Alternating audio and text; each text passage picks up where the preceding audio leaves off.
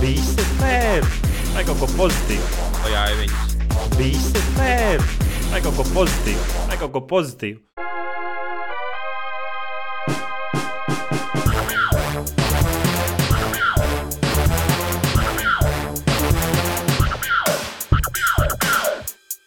Senāt, ka mums nocēlīja podkāstā numur 85, ar maniem kopā tikai Elvijas. Ew, klausies, klausies, klausies. Nē, es ceru, ka tu visu to sākumu griezīsi ārā, tāpēc, ka man tomēr ir. Uh, es negribētu šeit kā publicēt, ko mēs tikko mūdējām.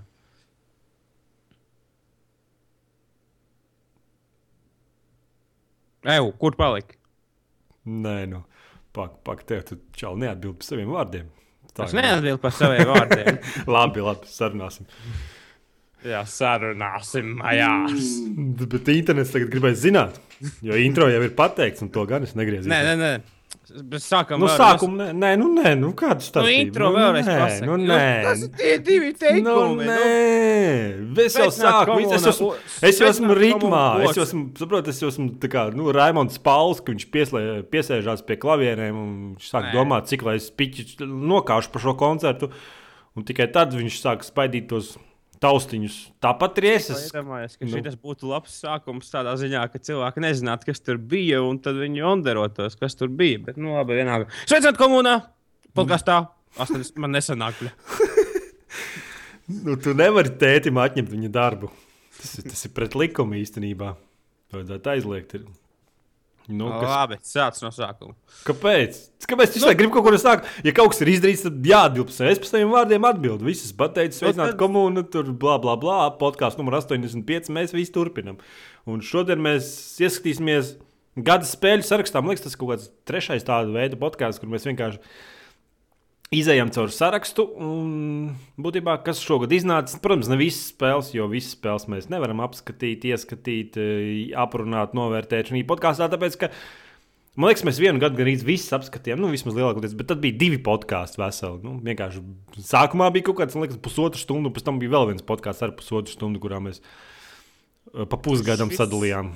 Šis gads ir diezgan dīvains, manuprāt, jo ja 2001, 2011. gadu varēja teikt, ka tas ir vienkārši lielisks gads spēlmaņiem. Tad šajā gadā ir kaudze lielisku spēļu, un blakus ir kaudze izgāzušo spēļu, nožēlojami atkritumi. Nē, man liekas, zin, kas ir problēmas lielākām. Nu, tā, nu, tās spēles, kuras bija lieliskas, man liekas, tās nesūda nepārdevās. Bet tās, kuras bija tiešām dramatiski sliktas, nu, tīri kaut vai tehniskā ziņā, tās, man liekas, aizgāja uz urā. Nu. Bet, nu, paskaidām, kuras spēles bija nožēlojamas. Nē, nu, mēs, jau, mēs, jau, mēs jau tiksim līdz tam. Nu, tu atkal Numur- gribi mums vesels saraksts, un pēc tam mēs noteikti to sarakstu, kur nopublicēsim, ne podkāstam apakšā, lai cilvēki var. Bet, nu, es saskaitīju desmit pavisam nožēlojamus nosaukumus šogad. Es domāju, ka to ir vairāk. Ja, ja mēs... Tādus, kuri ir populāri kaut kādā mērā. Kaut kāds indīgi, kaut kāds izgāzts. Jā, nē, nē, nē man ir. nezinu. Man ir vairākas indijas spēles, kuras man atsūtījuši apskatu kopijas. un Es parasti apskatu viņas, bet nu, ir bijušas mazliet kaut kādas 5, 6 spēles, nu, kuras ir tā, ka ir ieslēgts un tu, tu vienkārši, nu, what the fuck, kas tas par murgu. Pēdējā man bija par kaut kādām bitēm un šūnām. Nu, grafika atgādināja kaut, kaut ko no 95. Windows, kaut ko uz to pusi. Tas stils viss tas bija. Un es vienkārši, what the fuck, te vēl man bumba bija. Nē, es fuck, nevis bumbu, bet viena spēle par kaut kādu bumbu, kur ar tur var kaut kādas bumbas mētāt un tad savā starpā magnētiski pievilkties. Un vienkārši, nu, what the fuck, nu, ko jūs cilvēki darat? Un galvenais, nu, ja cena būtu tur 3 eiro, nezinu, tas ieeja pastos 15 eiro, what the fuck? Kas jums skaisti cilvēki? Labi. Iesim pie pirmās spēles, kur tu noteikti nekad neesi spēlējis. Es esmu dzirdējis, bet es, es biju liels Ace Combat fans, tā kā man bija bet, uh, PlayStation 2. Uh, tā kā PlayStation 3 es tik ļoti nepievērsos Ace Combat, tāpēc, ka No. Un, un man liekas, ka šī bija pirmā viņa spēle, kur viņi izlaida uz Windows. Bet, ja es atceros, tad cik es lasīju, ports bija nožēlojams. Un tāpēc mēs pievērsīsimies pie spēles Ace Combat Oswald Horizon. Nu, tā ir tā pati. Tās, tās Jā. tā, tā vienkārši Man bija. liekas, man Es liekas, PC versiju Jānis- spēlēju, man liekas, kaut kur. Jā, nezinu. un tā man liekas, bija diezgan slikti portēta, cik es Nu, dzirdēju. es, man liekas, ka tur izšķirtspēja bija kaut kāda nu, tāda, nu, kaut kāds 360p, un viss tas bija izstiepts, tā kā apraizings uztaisīts, eh, apreiz uztaisīts līdz 1080p jau iestrādājums. Nu, izskatījās vienkārši, nu, nu, tas, tas nebija nožēlojami, tas bija vienkārši nu, briesmīgi. Vienkārši, nu, briesmīgi. Slikt, vienu, viena no sliktākajām spēlēm, kādas vispār bija spēlējis, man liekas, šogad. Nu, es cik skatījos kaut kādus tur let's playus, tad es redzēju, ka pirmā misija spēlē par lidmašīnām Ace Combat ir uh, turētu sekcija helikopterā. Super. Super. Čau. Man liekas, Ace Combat bija tā spēle, Playstation. Tieši liekas, pirmā, kad es spēlēju, tur bija iespaidīga grafika un gameplay bija jauks. Nu, jā, tas bija lidmašīna dogfights, un man tas bija viens no mīļākajiem spēlēm, kas definēja man tā kā gaming, tā kā attīstību viena no visvairāk, vienā no, vienā no visaugstākajiem mēriem. Jā, jā tur tas atceros, ka tur bija tas kartes diezgan smuks arī. Nu, tās, Tas ka uzlakojās, izšauja raķetes, tur lidmašīnas varēja pirkt. Un tā pa vidu bija kaut kāds ķīnieši sataisījuši kaut kāds RPG mīlestības stāstus. Tur varēja parunāt. Nu, jā, labi. Iesim pie nākošās spēles, kas šogad iznākusi. Tā ir Sniper Ghost Warrior 2. Spēlēju viņu. Es, jā, es mazliet paspēlēju, bet pirmajā brīdī šitie te wow, slow motion headshotu, šitās te. Uh, tur, kur cauri galvaskausam iet lode, izskatījās awesome, bet pēc otrā, trešā šāviena tas jau kļuva apnicīgi nedaudz. Tu pirmo spēlēji? Nē, es jau nespēlēju. Man liekas, man pirmais bija kaut kur Steam kontā. Es nezinu, nu, ot, otrais pat nemēģināju. Vienkārši ejiet jūs rātā ar savu sniper Ghost Warrior, plus vēl Crysis zinis. Cry engine. Pagaidiet, nē, es jaucu citu spēli. Atvainojos, bet tas, tas, tas headshot kamera tā bija sniper kaut kādam tur. Ah, sniper elite. Jā, bet sniper Ghost Warrior 2 tur jau ar slow motion kameru ir. Jā, nu, es neesmu to spēlē, spēlējis. Es vienkārši sniper un divi. Tas tomēr ir baigi līdzīgs spēles izklausās. Jā, nezinu, nesmu spēlējis. Es neesmu Fortnite, Jolo nav skoperis, tad es nespēlēju sniper spēles. Mums vajadzētu izdomāt kaut kādu novērtējumu spēlēm, kuras mēs esam spēlējuši, un spēlēm, kuras mēs neesam spēlējuši. Es, piemēram, varētu vērtēt uh, četru gotiņu skalā. Četri headshoti. Nē, nu, Tev būs 4 headshoti. Tev vajag izdomāt kaut ko nu, tādu, kas tev vēl. Tev, man liekas, bija kaut kāda 11 skala. Tev, vai 12? 12 baļu skala. Un tā nozīmē, tā ir 1 līdz 10 tā kā parastai skolas atzīmei. 10 ir uh, izcili, viens mm. ir uh, ej mājās. Uh, pie vecākiem, uh, bet uh, 11 nozīmē labāks par 10, bet 12 ir dieva ierīce vai spēle, kuru vēl nav radīta un nebūs radīta, jo tā ir pārāk dievišķīga, lai parastiem mirstīgiem cilvēkiem dotu. Uh, tā kā man šodien jāraksta. Tā kā man šodien jāraksta apskats par iPad Air, es domāju, ko man darīt. 11 tomēr par maz, bet 12 tomēr būtu par maniem principiem likt. Jo tā ir ļoti laba ierīce. Pat ir plānojis kaut kāds tur jā, jaunais, gais, viņš pats karājās gaisā kaut ko tur. Jā, viņam ir levitācijas funkcija. Forši, labi. Ok, mēs aizmuldējāmies, tāpēc labi. DMC Devil May Cry. Spēlēji? Nē. Es viņu spēlēju, man ļoti, ļoti, ļoti patīk. Es viņam dodu no četrām gotiņām četras gotiņas viennozīmīgi. Tas vienkārši jautrs, super spēle. Tur zina, kāds boss bija. Es domāju, ka stāstīju vienā podkāstā. Uh, Man liekas, tas bija bēbis, kuram no pakaļas līda māte ārā kaut kā vai otrādi bija kaut kā. Ok, tu tikko samazināji manu vēlmu spēlēt šo spēli. kaut kā tur bija, man liekas, vai tā bija liela sieviete, un viņai kaut kā, kad tu viņu siti, tad viņai no starpkājas līd ārā. Man tas bērns, kas bija sātena bērns, domāts. Un... So, fucking awesome spēle. Iedomājieties, ja Fox News vai, teiksim, kaut kāds, kaut kāds konservatīvais laikraksts lasītu, klausītu šo podkāstu. Kā citātu uzrakstītu to, ko tu tikko pateici par šo spēli. Šis ir gamings. Nē, nu, tas, tas bija diezgan jocīgi. Tas bija diezgan jocīgi. Bet nu, tas neko nemaina. Tā spēle vienkārši bija jautra. Vienkārši močī kombu, kombinācijas taisa un tur daudz ieroču un kombinācijas plašas. Un spēle bija pietiekami grūta un interesanta. Un tur tiešām ies. Man, tie, ja es vienkārši meklēju jautru spēli, kur padaudzīt, padaudzīt monstrus, un īpaši jums patika kāda, kas bija uz Placēta 2. Devil May Cry 3, man liekas, bija Playstation 2. Tā bija arī diezgan liela spēle. Šo noteikti tu arī jāspēlē. par šīs spēles tehnisko sastāvdaļu? Nē, nē, viņi perfekti, vispār perfekti gāja. Nu, vispār, Labs nu tā, sports. ka, nu, tas, tas pat nezinu, vai tas bija pats, man liekas, kaut kāds. Nu, tur Unreal Engine, ah, un tur grafika bija diezgan iespaidīga. Tu vienkārši ej, un ej pa pilsētu, un pēkšņi pilsēta izšķīst, un tur salokās un pazūd. Un... Tie, kas, tie, kas varbūt neatcerās, ir to CLE, ir apskats. Tur var pastīties uz visiem tiem brīnumiem. Jā, Bet jā. runājot par šo spēles nosaukumu, Devil Makrai, kāpēc mūsdien, kāpēc tieši šogad jā, modē ir nācis kā at, atdzīvināt franšīzes, kā nosaukumu, neliekot kādu ciparu vai papildus nosaukumu klāt, vienkārši atsākt franšīzi taisīt ar tās oriģinālo nosaukumu. Tas ir Tomb Raider, tas ir Devil Makrai, tas ir vēl visādas lietas. Kāpēc? Tas jau ir SimCity remake. Tie jau tā kā remake, nē, bet nu kā, kā tā franšīzes atdzīvināšana. Tomb Raider jau vispār nekāda sakara ar vecajām Tomb Raider spēlēm. Nu. Nu, par to mēs runāsim vēlāk. Jā. Nu. Uh, bet tagad mēs runāsim par Dead Space 3. Es domāju, ka visi no OC lasītājiem ir šo spēli spēlējuši, tāpēc ka diezgan veiksmīgā žestā uh, IE šo spēli iekļāva Humble Bundle, Origin Bundle augusta mm. beigās, Jā. par ko viņi arī mm, šaš, agrāk šo uh, decembra sākumā uh, publiski aizskaitīja visus šos ienākumus no bundļa. Uh, dažādiem fondiem, no kuriem, bija, ja nekļūdos, 1,75 miljonus aizskaitīja tieši uh, Vēža Foundation. Mm -hmm. Uh, jā, nu tas, tas jau bija, tā bija tiešām laba akcija. Viss bija vienkārši viss pasaules bija pārsteigts par to iegājumu bandli kā tādu.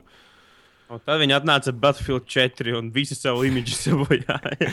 Es, man ir Dead Space uzinstalēts, ikons stāv, es viņu neesmu nereiz startējis, es spēlēju demo uz Xbox, un es sapratu, ka es negribu spēlēt Dead Space 3. Nu, man nepatīk tas, ka Dead Space no pirmās spēles, kur arī bija bundlā, uh, aizgāja no tāda tā kā survival horror.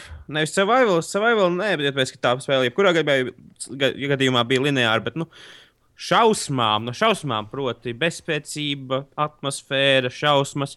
U, uz otro un trešo aizgāja uz action, proti, gans, gans, gans. Nu, tas Šūdīt, brošūtas, tur kooperatīvā režīmā visu to spēli iziet, kas vispār. Es, es izgāju pirmo, man, ne, man liekas, neizgāju pirmo, bet baigi, baigi, baigi tic. Otrais izgāju, un man diezgan patika otrais. Nu, kā, nu, vienkārši tāda izgāja spēle diezgan jautri bija un baisīga, un tur tur sīkie bēbi skraidīja, un tiešām bija šausmīgi. Un tad trešais pat neesmu startējis, nu, dēmojas esmu uzspēlējis, tāpēc, ka, nu, Kam on, jūs parādāt man Dead Space, bro, bro no-scope šūteri, kaut kā tur mikro maksājumi, ieročus vajag pirkt, var nopirkt. Runājot par mikromaksājumiem, šis gads arī būs ienā, ie, ierakstīsies vēsturē kā mikromaksājuma gads, jo Dead Space uh, 3 varēja dažus ieročus nopirkt atsevišķi. Uh, tie gan nebija svarīgi spēlē, bet, ja tu saprati, ka nevarēja ar parastiem, tad varēja nopirkt ultra mega blasteri, lai vienkāršāk būtu. Tā mums ir Forza, Forza 5, par kuru runāsim vēlāk. Gran tas jau visās 6. spēlēs. Visās pilnīgi mūsu. Tas nākotnē, viss no šo gadu līdz nākošais, pa visās būs šie mikro maksājumi, kas ļaus ātrāk tikt iziet spēles. Tas pats Assassin's Creed Black Flag. Tu vari nopirkt, tu vari samaksāt naudu, lai tavā statusā parādītos, ka tu esi izgājis visus sidequestus. Iedomājies? Vienkārši tu nopērc, lai to sidequesti būtu iziet. Kā Es domāju, ka vajadzīgs? drīz varēs arī achievementus nopirkt. Un būs baigais veids, izgājis visus 60 achievementus. Tā patiesībā tu nopirki par 10 mārciņām viņas. Nu, nu, bet, ja cilvēki stulbi, nu, tad nu, kāpēc lai izstrādātāji un izdevēji neliek iekšā tādas funkcijas? Nu, viņi nelikt, ja cilvēki nepirktu. Nu. Ja viņi redzētu, ka tas ir bezjēdzīgi, viņi taču netērētu laiku, bet tur jau tā lieta, ka tas nav bezjēdzīgi. Cilvēki pērk. Just fuck off. Es tā kā lasīju tā kā pētījumu, ne, bet tā kā komentāru no Industrijas Insider, kurš teica, ka uh, šie mikromaksājumi ir tā, ka 90% par viņiem neliekas ne zinas un nepērk, bet ir vokāla minoritāte, kura pērk milzīgās pakas par 2000, cepures, atslēgas, mikromaksājumus un tam līdzīgi. Un uz tiem arī šis modelis darbojas. Nu, jā, nu, tu, nu, cik, cik viņiem tur. Nezinu, nopārdot tev visus Assassin's Creed Black Flag kuģa upgrades, lai tev viņi būtu anglokoti. Nu, cik tas viņiem tas spēlēts, viņiem vispār ieviest tur čalis sēžot kafiju, vienu pirkstu pabakstu kodu uzrakstu un viss un gatavs. Nu, A, tur viņi noteikti nopelna, nu, ne miljonus, bet nu, noteikti naudu nopelna. Nu, Okay. kopumā saucās. Labi, tālāk ir Aliens Colonial Marines. Viena no Šī ir viena no pirmajām spēlēm no tām desmit. Es nezinu, vai visi ir šajā sarakstā, bet šī ir viena no tām sliktajām, nožēlojamām relīzēm, par kurām es runāju. Un uh, šī, es domāju, daudziem iemācīja to, ka iekš, iepriekš pasūtīt spēles, par kurām cilvēki neko nezina, ir ļoti slikta ideja. Nu, bet tu spēlēji viņu.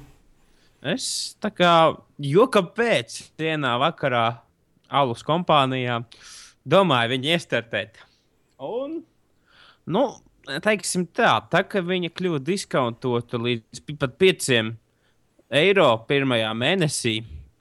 Uh, par kaut kādiem diviem līdz pieciem eiro varētu būt ok, divas stundas kaut kāds fiksējs entertainments, bet par relīzes cenu 60 eiro dolāriem piedodiet, bet īņķi nahuj. Nē, tas pil... es, es viņu izgāju, ka es pilnīgi biju kampaņā, arī multiplayer paspēlēju. Man liekas, nezinu, man jāapskatās vai nav. Bet, nu, tā, so, so, uz pieci, nu, nu, no, no četrām gotiņām uz divām gotiņām. Uz, nu, divas gotiņas no četrām noteikti velk. Viennozīmīgi. Nu, tā bija debila spēle um, pret svešajiem, kurā 70% laika pavadi nešaujot svešos. Bet šaujot mm, cilvēkus kaut kādus. Jā. Un kulminācija bija, kad es iegāju tajās kanalizācijās, un tur bija svešie, kuri skrēja sienās un neaie. Ģeneratoros kaut kādos, jā, ģeneratoros skrēja iekšā un sprāga augšā. Tā kā, tā kā Man liekas, ka bumbas. lielākā daļa kā, cilvēku dusmām pret šo spēli ir tāpēc, ka tā spēle neizskatījās pilnīgi nekā līdzīgi tam, ko viņi rādīja traileros. Nu, tas arī bija fakts. Bet, bet tomēr tā atmosfēra jau bija. Nu, ja tu svešos fans esi, nu, kad tu dzirdi to skaņu, tīri, tīri, tīri, nu, kad sešie nāk, nu, tā atmosfēra bija tomēr. Jā, bet nu, gala rezultāts bija drausmīgs vienkārši. Nu, bet to spēlē ar cik tur, tur 70 izstrādātāji viens uz otram pārmet, un neviens negribēja pabeigt. Beigās kaut kādi, kas tur, kas tur viņu uztaisīja beigās. Kaut kādi no izstrādātājiem. Jā, Viņi pabeidza un salika kopā, un tas bija diezgan stipri nespēlējams. Vēl jau arī man patīk tas, ka daudzspēlētāju režīms taisīja pilnīgi citu studiju, un tad daudzspēlētāju režīms bija vienkārši stipri drausmīgs. Un... pff, Just fucking tā spēle, tai spēlē nebija, ne, tai spēlē nebija iespējas būt labai, vispār nekādas. Labi, iesim tālāk. Metal Gear Rising Revengeance. Nespēlēju tādu. Pirmo reizi uzzinu. Metal Gear Rising Revenge. Jā, es zinu, tā, man bija Nu, PlayStation tā bija 1, tā spēle. 2, tad es sekoju katrai relīzē, bet tagad, Nu. no. kad tas ir PS3 un Xbox ēras, tagad būtībā es biju izmetis no sava radara viņas ārā. Nu, bet tā ir tā spēle, neatceries E3, kur viņi rādīja, kur viņi melonas griež. Ja? Neatceries, kur tur tu, nu, ar būs stāvies galdu. Viņš tur ar to zobenu varēja paņemt. Ā, leņķi, tā ir grib. E3, tā, tā, to, ko viņi Xbox šitā one šitā pasākumā rādīja. Tā. Nē, nē, To, nē. tā ir. Tā ir nē, nē, tas no aizpagājušā gada. Pagāj... Tur, kur viņš gāja, tur vienkārši tur stabus grieza, cilvēkiem galvas grieza. Tur varēja jebkur ķermeni, tipa leņķi, vienkārši pa vidu kādā grib tur, tur vairākos gabaliņos sagriezt to zobenu. Nē, es nezinu, un nespēlēju. Piedod, es neesmu īsts gamers. Man jāiet kaunā. Stūrī Nē, es, es, es arī nespēlēju. Man liekas, pirms spēle nebija izdotas uz Xbox. Es spēlēju demo un diezgan man patika. Man patika visvairāk, ka tur bija tas pretinieks, nu, tas pirmais boss, kas bija robots Pantēra, kurai astes galā bija motorzāģis. Un, un diezgan iespaidīgi. Vai nu tu nemāki skaidrot, vai spēles ir kļuvušas vēl dīvainākas nekā viņas bija? Metal Gear, Metal Gear sērija vienmēr bijusi dīvaina. Tur bez variantiem. Bet, nu, jā, diezgan ies, iespaidīgs tehn tehnoloģiskais demo. Un tas, ka tu vari visus pilnīgi sagriezt tur, kā tu gribi, kādos leņķos. un Tur diezgan Nu, patika. Labi. Es tur arī dodu noteikti kādas trīs gotiņas no četrām, bet, nu, pilno, pilno spēles nesu spēlējis. Bet es domāju, ja, ja tas fanu pasākums tur saglabāja savu, savu to darbību, visas spēles ga- garumā, tad jau noteikti bija laba spēle. Nu, iesim tālāk pie. Bļā, kā man riebjas tās spēļu izstrādes? Vienīgā spēļu izstrādes studija, kur man atklāti ir riebjas, ot, vienkārši ir ot, Raitek. krājtek vienkārši. Un tas viņus, un nevis tāpēc, varbūt, ka viņi taisa tur diezgan pasliktas spēles, un viņa dziņas, viņa dziņa joprojām nav normāls spēlnieks.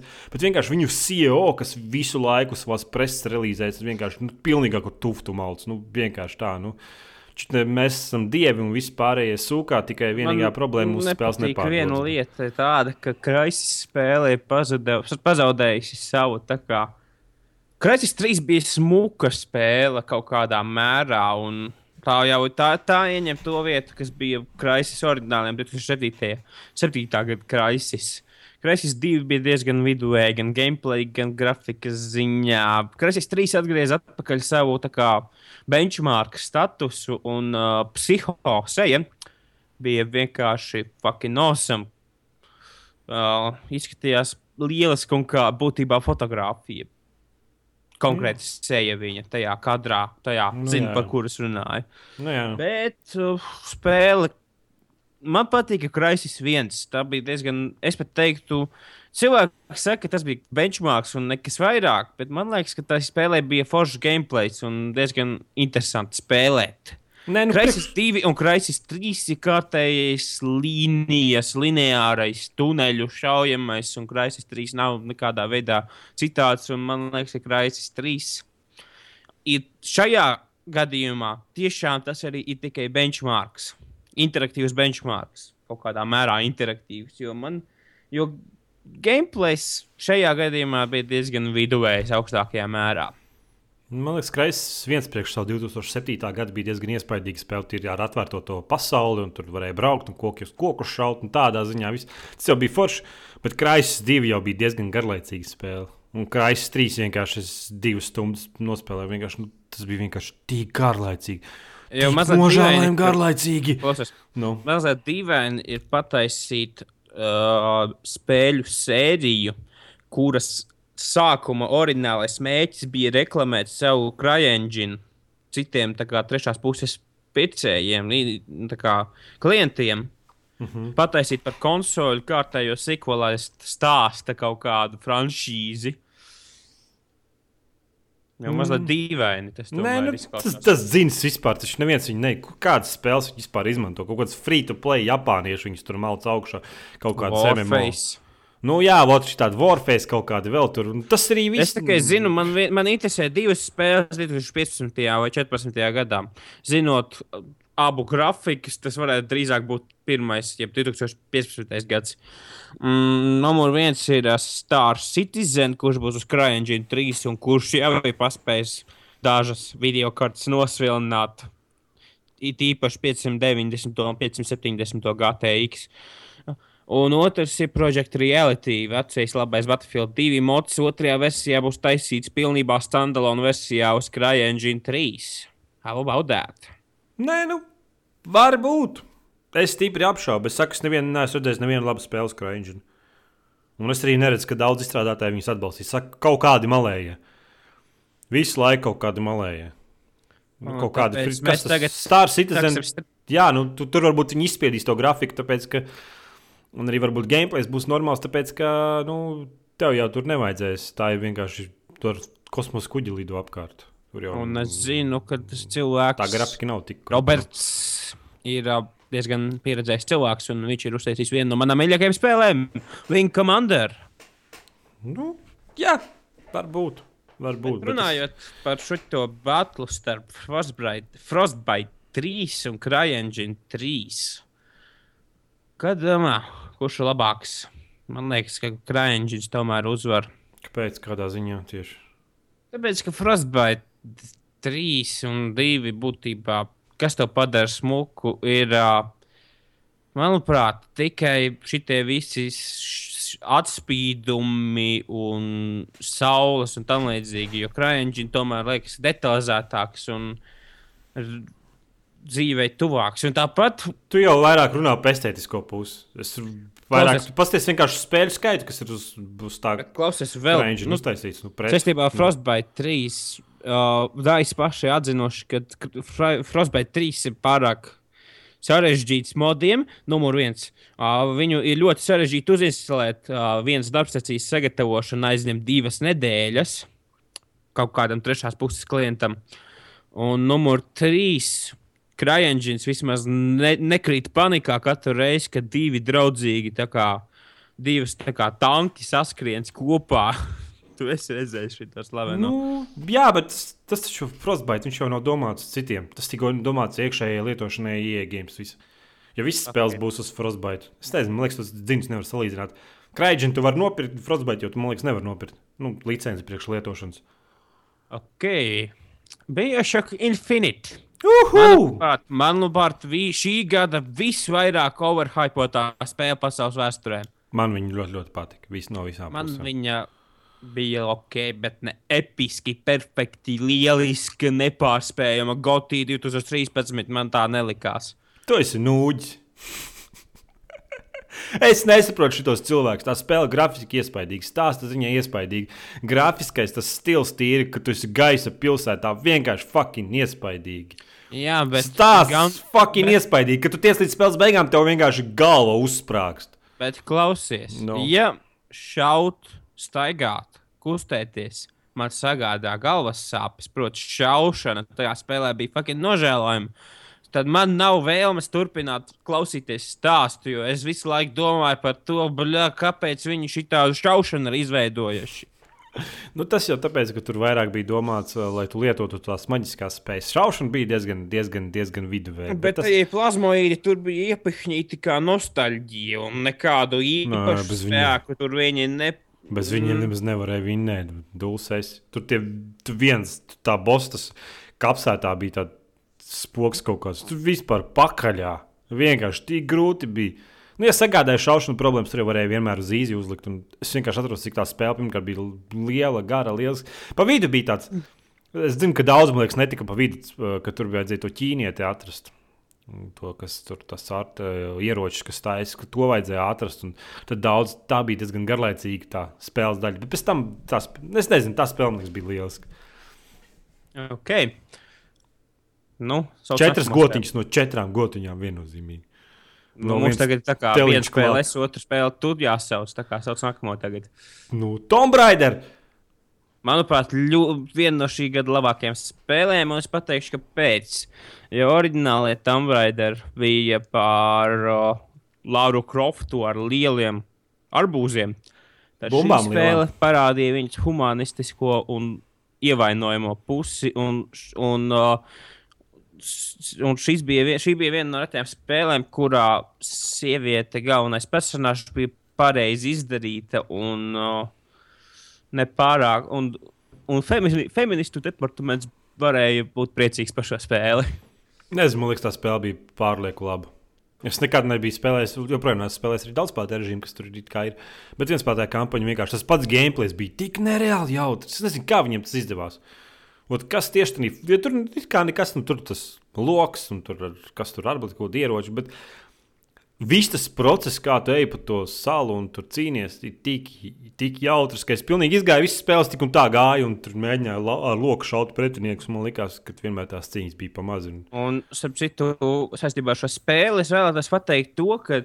Uh, AMD un citas gaming kompānijas ir dibinājuši PC Gaming aliansi, un viņi plāno labām PC spēlēm likt savu aprūtu zīmogu. Ja es, es par šo spēli pateikšu tā. Ja kāda spēle ir pelnījusi šo PC Master Race aprūtu zīmogu, tad šī ir tā spēle, kur tu pelnīsi pirmā. Tāpēc, ka viņa bija perfekti portēta. Un tres efekts, lai gan apcirpa FPS pirmajā uz pusi, man liekas, bija diezgan jautra. Tā kā nevis jautra, bet smuka, tā kā addition, smuks tā kā elements. Un man liekas, ka tas būtu. Mm? Pantēna provē, plauksnes nav kondensators arī ir matot. Bet nu, fakts ir tāds, ka šī spēle tehniski bija perfekta un viens no labākajiem PC partiem, kāds vien ir bijis. Man liekas, ka kompānijai Nixes. Man liekas, tu nedaudz jauc faktus. Viņa bija uz GeForce, ne, bet uz AMD kartēm. Bet uz GeForce kartēm bija tā, ka Nvidia, man liekas, pat draudēja izstrādātājiem, ka viņi izmeklēšot, kas tā pa huņu, kāpēc viņi nestrādā uz Nvidia. No, tāpēc kartēm. ir AMD? Nē, nu tā, tā nav smuki. Tur pašā sākumā, liekas, viņi pēc tam kaut kādas beta drivers kaut ko izdeva un tur aizgāja. Mm, no. Man liekas, arī, nu, uz kaut kādām jaudīgākajām tur Nvidia kartēm tā spēle darbojās, bet, nu, ja tu tur bija bišķi, bišķi tur zemāk kaut kādā, tad tu vispār varēji, var teikt, nespēlējami. Nu, bet, nu, kā AMD lietotājs, es teiktu, ka šī spēle gāja perfekti, un šī spēle arī pati bija lieliska. Un, ja jūs redzat, ja jūs redzat uz atlaidēm viņi par kaut kādiem 12, 15 eiro, tad padomājiet, šī būs, šis būs labs pirkums. Nē, nē, jā, šogad ir obligāti. Līdz šī gada beigām visiem jāizspēlē jaunais Tomb Raider. Tā spēle ir fucking grafiski iespaidīga, veiktspēja ir perfekta. Pats gameplay, tieši tā šaušana, laikāšana ir nereāli jautrs. Laik, vienkārši nereāli jautrs. Un tas grafiskās scēnas, kur Lārai caur, caur, nezinu, caur muti iziet garš metāla miets un viņam pieķerās tajā mietā un mēģina izvilkt savu galvu no tā mieta. Tas vienkārši iestartēja vēlreiz lai paspēlētu, jo man iedvesmoja jaunākā MLP epizode, kura bija par tā kā Indiana Jonesa parodija vai homāža. Mm -hmm. un, uh, nu, es, un vēlreiz pārliecinājos, ka šī spēle ir viena no jautrākajām, kādu esmu spēlējis šogad. Gunārs, tu, nu, tu nevari pateikt, ka, kas tieši tādās mehānikās ir tik jautri, bet vienkārši viņu spēlēt ir vienkārši Varbūt jautri. Ar mehānikām ir tā, ka ir atrasts perfekts līdzsvars, šī ir tur, šī ir tur un tā. Un tagad, tagad vienās tu neredzi atsevišķus elementus, tu tikai redzi kopumu, un ka viss darbojas kā igēļi ļoti zobrati. Nu, jā, nu tas no pirmās sekundes, kopš viņi startēja līdz pašām beigām, spēles vienkārši lieliski notiek visiem ieskats. Labi, iesim tālāk. Tom Braiderim es arī lieku četras gotiņas. SimCity. Viņai nebija kaut kāds tur sarunājums, vai arī tas bija vienkārši SimCity. Tur nebija kaut kāds tur. SimCity, SimCity, pārsteigts SimCity. Jā. Un Es neesmu spēlējis. Ja tu liec parastai spēlē, parasti spēlē 1 līdz 4 gotiņas, tad šā, šī spēlē pelnīs govs sūdu. es neesmu spēlējis, es negribu spēlēt. Man pilnīgi es, noteikti ne, neinteresē. Es, mm, es labprāt spēlētu, ja es tiktu es serveros, kur ir vajadzīgi pirmās. Vien, nu, pirm, vienas personas spēlēji. Es zinu, ka, es zinu, ka tagad ir problēma, ka cilvēki teica, ka viņi mēģina kas tagad spēlēt. Ka tur neviens nespēlē, bet tas viss ir uz online, ka tev jāspēlē tajā reģionā, vairākas pilsētas kopā un ar viens otram jādalās ar resursiem. Bet tā kā neviens nespēlē, tev visas tās iespējas nav. Šī spēle ir izdarījusi tikai vienu lietu. Ie, iepazīstinājusi mani ar Tropico franšīzi. Jā, Tropico diezgan jauka spēle. Vienīgi daudz laika aizņem. Nu, tāpat kā visi simtzītī, man liekas. Okay. Labi. StarCraft 2 Heart of the Swarm papildinājums. Kā StarCraft fanam nedaudz lika vilties grūtības pakāpe vienspēlētajā režīmā, un daudzspēlētajā režīms vispār pametu pēc šī papildinājuma, tāpēc, ka nu, tas vairāk varētu saistīties ar manu vecumu un mm, ne pārāk lielu vēlmi nodarboties ar pirkstu jogu. Bet nu, visi StarCraft, visi StarCraft spēles ir lieliskas, tur vispār nav, nav ko runāt. Tas, tas līmenis, kā Blizzards izstrādā spēles, ir ir vienkārši nu, stipri nesalīdzināms. Tīri visas tās animācijas, sejas, kustības, visas, kā tas viss uztaisīts. Vienkārši fucking liels. Man liekas, vienīgā stratēģijas spēle, kur vispār var spēlēt mūsdienās, kas ir palikusi tā StarCraft 2.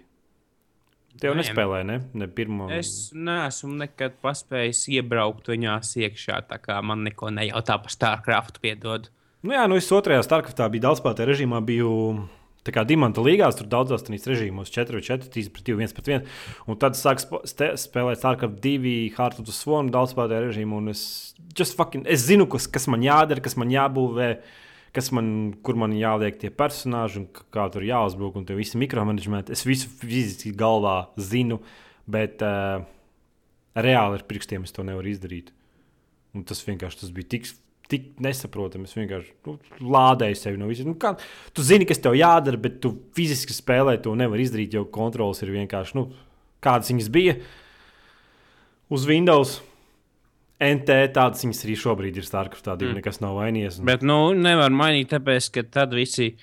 Visi vecie spēlētāji teiks, ko jūs darat, jūs bojājat franšīzi. Man patīk, kā es uz savu Windows 3,1 spēlēju. Ko jūs darat? Nebojājiet. Nu, jā, bet uh, tur jau tā lieta, ka, ja tu gribēji tādu hardcore multiplayer experience, tad vienīgā spēle bija StarCraft 2. Bet mūsdienās ir tā, ka ir League of Legends un Dota. Un bet tas spēle... ir cits žanrs, tās ir mobile. Nu, jā, bet uh, saprotu, tu jau dabū var, var teikt to pašu experience tikai bez, uh, bez tās bez pirkstu jogas, saproti. Nu, es salīdzinu, nu, vat, ja es gribēju tādu hardcore multiplayer spēli, kurā ir ļoti, ļoti, ļoti svarīgs skills. Mūsdienu šūtros tā jau, protams, nekā nav. Viss tas skills vispār izmest miskastē. Bet, ja tu gribi spēli, kurā galvenais ir tavas iemaņas, nevis Bet, nu, ja tu, kurš tev bet, nu, levels un tā tālāk, tad tas bija StarCraft 2. Bet nu, tagad mums ir arī tādas spēles kā Dota un League of Legends, kur arī kur ir svarīgākais ir skills. Nu. Tātad tu gribi teikt, lai būtu veiksmīgs StarCraft 2, jābūt, jābūt Frederikam Šopēnam? Mm, Diezgan, jā. Okay. Uh, turpināsim ar divām, diviem dažādu platformu ekskluzīviem, kuri sākas ar tiem pašiem burtiem. GOV. Uh, pirmais ir God of War Ascension. Ne, Ascension. Extension, laikam. Es nezinu. Un otrs ir Gears of War Judgment. Tā kā man ir PS3, kuru es būtībā izmantoju kā putekļu sūcēju, un, un man nav Xbox 360. Es nevienu no šīm divām spēlēm neesmu spēlējis. Es Ko tu vari pateikt? Es arī neesmu spēlējis, bet, un, cik es atceros, pabām divām bija diezgan viduvējas atsauksmes. Oi. Abas šīs franšīzes tiek kā Nu, izmantotas kā nevis- franšīzes. Es domāju, ka, es domāju, ka ne, nebija viduvējas ats, uh, nu, tā kā atsauksmes, bet vairāk tas, ka, ka šogad abām tām spēlēm nevajadzēja iziet vienkārši. Tāpēc, ka nu, vienkārši par daudz viņu, par daudz viņu. Ja viņas būtu nākošais gads iznākušas uz jaunām konsolēm, es domāju, cilvēki būtu tikai priecīgi. Bet šogad viņām neviens negribēja jauno God of War, un neviens negribēja vēl vienu Gears of War. Protams, bija fani, kas gribēja, bet lielākoties tāds bija tāds atsauksmes, ka man beidziet to se seriālu te katru gadu izdot. No otras puses, mēs redzam, ka citas spēles tā dara, un visi ir apmierināti. Uh, jā, Nē, jā. Nā- nākamā spēle. Army of Two, The Devil's Cartel, nesu spēlējis. Nē, esmu spēlējis. Es, par, es, es atceros, ka es vienā podkāstā teicu, tā spēle vispār ir izdota, viņi izdeva, kas ar viņu notiek. Jo, jo cik es sapratu, kas viņi tur teikt, tu izdevi. Es Es nezinu, vai ka- Nē, iegājums, tas jau ir iegājums. Jā, ka viņi Xbox 360 šī spēle dabūjusi 2,5 metakritiku zvaigznēs. Super. Savukārt, uh, uz uh, PlayStation 3 ir 3 zvaigznes. Es nezinu, vai jā, metakritika tas, laikam, viņi izmetoja no 1 līdz 100, bet nu, man te Google rāda zvaigznes. Nu, Jā, Es, domāju, izskatās kārtējais. Nu, nu, jā. es nu, domāju, ka ar spēli vienkārši sāka taisīt. Un tad viņiem apgriezīs finansējumu, tad to spēli izdeva. Un iegājums pilnīgi nevienu reklāmu par to spēli nenopublicēja. Tāpēc, ka zināja, ka to spēli neviens nepirks un novērtējums bija slikts un naudas viņiem nebija. Un būtībā, būtībā izstrādātāji tika pamesti zem vilciena un redzams rezultāts. Labi, ejam pie PC Master Race. Red Orchestra 2 ir Rising Storm papildinājums. Nē, tā ir atsevišķa spēle, kuru viņi apvienojuši ar savu iepriekš izveidoto Red Orchestra 2. Rising Storm ir uh, veidota tā kā uh, Japānas tā kā klusā okeāna teātra. Uh, otrā pasaules kara spēles simulators. Nē, es negribu teikt, ka tas ir tādā mērā simulators kā Arma 3, bet, viņi, bet tā tomēr ir daudz realistiskāka un, uh, un uh, taktiskāka nekā standarta Battlefield vai Call of Duty. Viņi diezgan Jā. hardcore bija. Neteiksim, Jā, bet ļoti es neteiktu, ka viņi ir hardcore tādā mērā, ka tev visu laiku jāguļ pie zemes, jārāpo, un tad tev iekšā galvā, un tad tev jāsāk atkal divi kilometri staigāt līdz kaut kādai, mm -hmm. līdz kamēr ieraugi kaut ko. Bet nu, viņa ir diezgan jautra, ja tu iebrauc. Es tā arī neiemācījos tur ar tanku braukt. Es atceros, ka mēs spēlējām tos tanku līmeņus. Bet es nezinu, vai tas bija Rising Storm papildinājums. Bet, Red- uh, Visi Red. Orchestra īpašnieki, kādu ir daudz, ņemot vērā, ka Tripwire aprīlī bija bundles, kurā viņi iedeva Killing Floor, pirmo mm -hmm. Red Orchestra un otro Red Orchestra, un arī Mare Nostrum modu pirmajam. Un uh, daudzi tie, kuriem jau ir Red Orchestra divi, ir iespēja kā izmēģināt Rising Storm vienā kartē, vienā kā līmenī, vienā klasē. Un, un tiem, kuriem interesē, ir iespējams nopirkt Rising Storm. Un, manuprāt, es iesaku nopirkt, tāpēc, ka man, cik es spēlēju, man viņa likās diezgan jautra spēle. Un beidzot kaut kāds svaigs, tā kā, svaigi, tā kā vēja plūsma iestāvējušajā pirmās personas žanrā. nu, man tā spēle patika, bet man mm, kartes nepatika. Man liekas, ka tur bija pārāk čaukpointīgas tās kartes. Un, kad ņemot vērā, ka tu ieroči būtībā ar vienu lodi nogāž nost, tad tas bija diezgan dramatiski problēma. Problēma, ka tev būtībā jākustās uz priekšu, bet ir kartē ir tikai reāli trīs punkti, pa kuriem tu varēji iziet. Tad baigi vieglāk bija nokempot. Nu, tāds, ka komanda kopā, ja nestrādā, tad pilnīgi bez variantiem bija ieņemt kaut kādu Bet, nu, neaizmirst, ka šai spēlē tā komūna ir.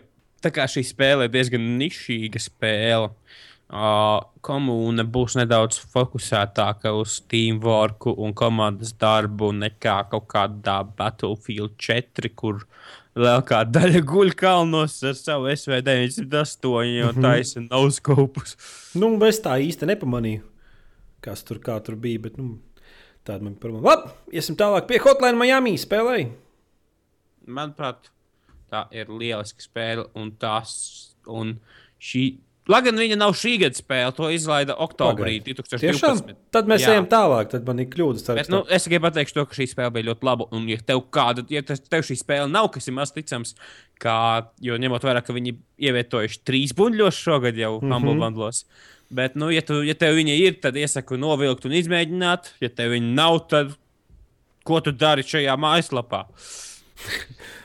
Nē, runājot par tām kļūdām, ja jums kāda spēle liekas, kur mēs nepieminējām, droši varat uzrakstīt komentāros, tā lai atcerās cilvēki. Un, mm. ja kaut kādas kļūdas, tad var rakstīt komentāros, lai tāpēc, ka saraksts ir liels. Un internetā ir daudz nepilnības, un es katru spēli arī nevaru pārbaudīt. Ir tāpēc, ka man ir slinkums. Ja? Okay. Dead Island Riptide. Spēlē? Nē, Nē, Nē. Nē interesē Dead Island. Nē Es man patīk, vīlos- ka Dēlēn tas Es pirmais. vīlos šajā orinālajā spēlē. Nu, kā tu tāpēc- varēji vilties? Nu? Nu, piedod, bet ja traileri uztaisīs tā kā filmai, Mm -hmm. bet gameplays ir tā kā kaut kādai. Nu, es nemāku atrast vārdu, bet, nu, ja tas kārtējais, tā kā kārtējais gadījums, ka trailers neatbilst spēlei. nu, bet tas ir mārketinga triks. Nu, jā. Battlefield 4 traileros arī nerādīja, ka tev būs gluži un spēle krešos. So, Nē, Battlefield trailer būtībā ir viena no tuvākajiem spēlēm, jo viņi izmeto īstu gameplayu. Vismaz līdz brīdim, kamēr tā spēle darbojas. nu, jā, jā.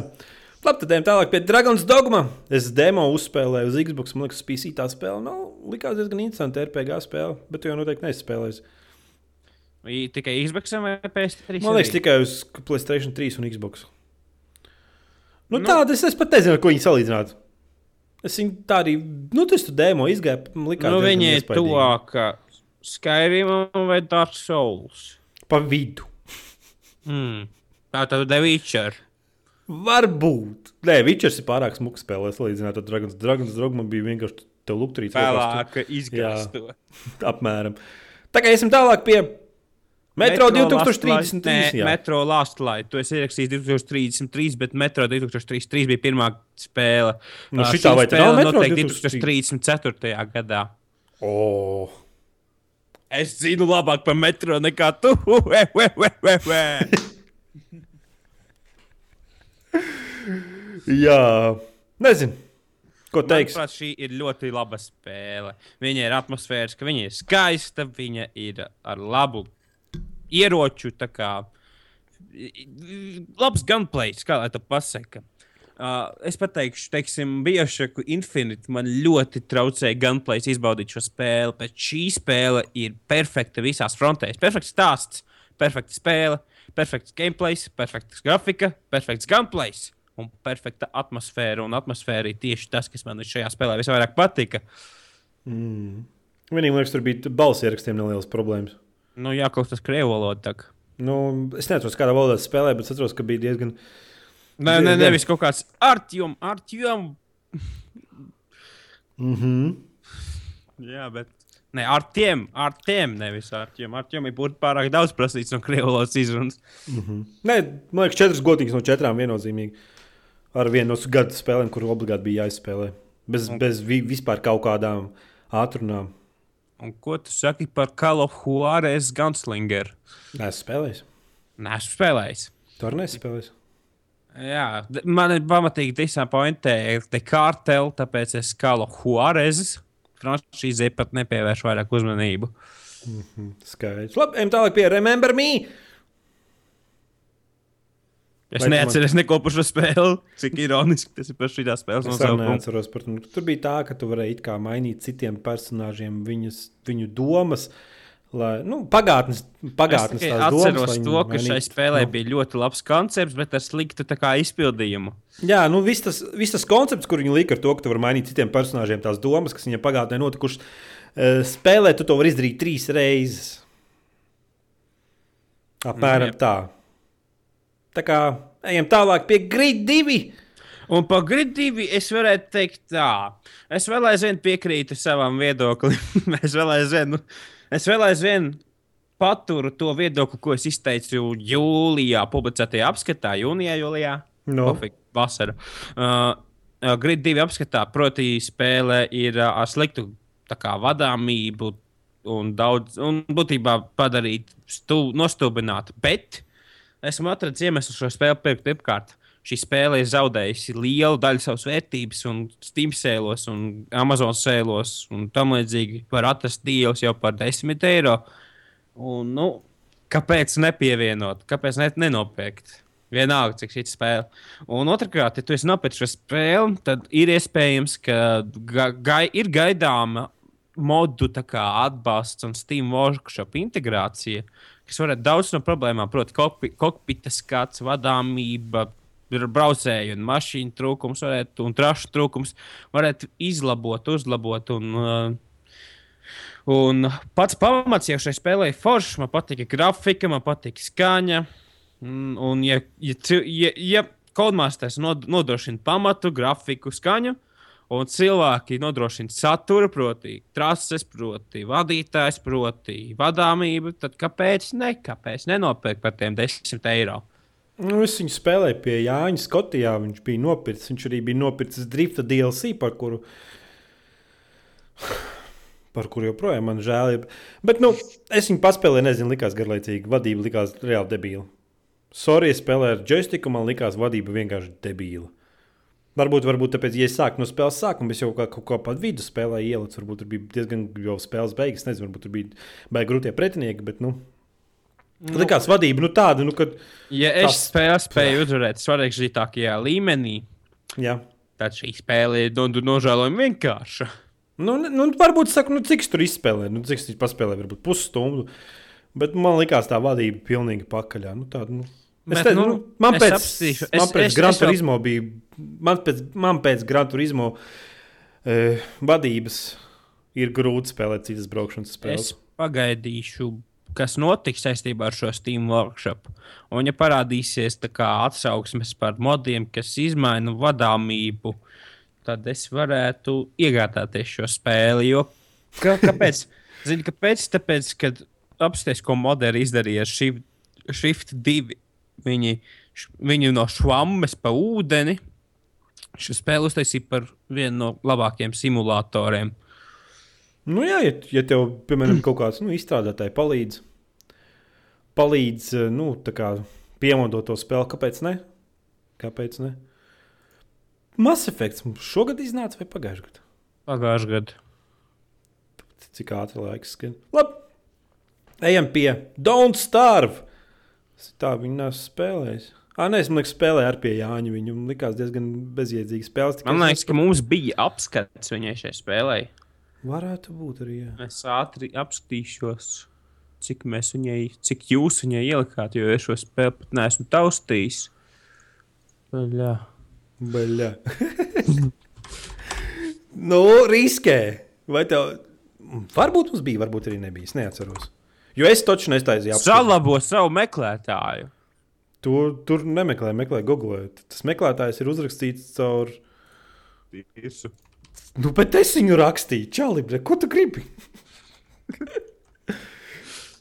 Domāju, domāju, es esmu ļoti iz, izglītots, lai rakstītu meklētājus. Go, Gogli varbūt pārspēt man vajadzētu. Jā, bet tas meklētājs ir bur, burvīgi nestabils. Labi, nemeklē. Nav ko. Nē, es neko neatrodu patiesībā. Nu, rēta, tu vienkārši man gribēji apmānīt. Labi, tālāk pie State of Decay. Pūks viņi spēlēs, viņu apskats mums, liekas, ir apskats. Liekas, mums Jā, mums laikam ir. jā, jā, ir, ir apskats. Es vienkārši domāt, vai tas ir ieskats vai apskats. Nē, ir pilnvērtīgs apskats, bet man liekas, rezultāts viņam arī beigās nav. Viņam. Too long did it read. Viņš ir kārtējis no pretenciozajiem rakstniekiem, kur uzskata, ka atzīmē tikai cipars, kuru nevajadzētu iekļaut, jo tas liek cilvēkiem nelasīt apskatus. Nē, nu, tas jau kā kur, kā kur. Es, nezinu. es atzīmu lieku tikai tāpēc, ka. Es Tāpēc, pat nezinu, kāpēc. Krūtie portāli, IGN un tam līdzīgi. Nē, bet, bet nu, bez, bez, at, bez atzīmes galā kaut kā jocīgi ir. Runājot par atzīmi, jebkas, kas ir mazāks par deviņiem nožēlām spēli saskaņā ar IGN un tā lasītājiem. Nu, ar mani arī ar maniem, jo tāpēc, ka, nu, es diezgan varu ielikt 9. Es ieliku gridam 5 no 12, un tas nozīmē, ok, pieņemami, un nevis, ka tā ir fucking nožēlāmākā spēle pasaules vēsturē. Gridam ieliku 4 vai 5, bet nu, fakts ir tas, ka es ne, tas uh, tā kā skolā 4 ir sekmīga atzīme, nevis tev jāmet ārā no skolas. Labi, tālāk pie Last of Us. Tu neesi spēlējis, es neesmu spēlējis. Es esmu spēlējis. Tu esi spēlējis? Man tā kā PS3 neaizmirst. Nu, Un ko es varu pateikt? Uh, man šī spēle likās. Kā, tāpat kā bija Bioshock Infinite, viņa likās overhypota. Man patīk stāsts. un Es negribu lielties, bet es pazīstu vienu no cilvēkiem, kuri strādāja pie soundtracka. un Es varu pateikt, ka soundtracks bija lielisks. Bet man liekas, ka spēle bija pati gameplay ziņā, viņa bija viduvēja un repetitīva, bet stāsts man likās viens no foršākajiem. Bet definitīvi šī nav, šī nav spēle, kuru var pārdot konsole. Nu, es nezinu. Es neesmu spēlējis, es nevaru novērtēt, viņi noteikti grib uzspēlēt. Ceru, ka uz Playstation 4 būs iespēja viņu spēlēt. Bet šī spēle, gameplays bija diezgan repetitīvs un, uh, un, un, un, un, un, un, un, un, un, un, diezgan lineārs. Un, manuprāt, ja tu apskatīsies vienu let's play, teiksim, nu, tādu let's play, vēlams ar izgrieztiem visiem šiem tā saucamajiem puzļu elementiem, jo viņi būtībā ir iebīdi kasti tur Mm -hmm. vai trepas piebīdi tur. Bet, nu, ja tu izgrieztu visu šos te, tad tur būtībā sanāktu filma, nevis spēle. nu, Kas ir, kas jā. ir ok, kas ir ok, tāpēc, ka Nu, bet tas jau nav tīdoks. Tā ir iespaidīgs spēles. Tas ir viņu, nezinu. Tas ir to, ko viņi dara. Iespaidīgs filmas. Labi, ejam tālāk pie Right to Hell, Retribution. Game of the Year.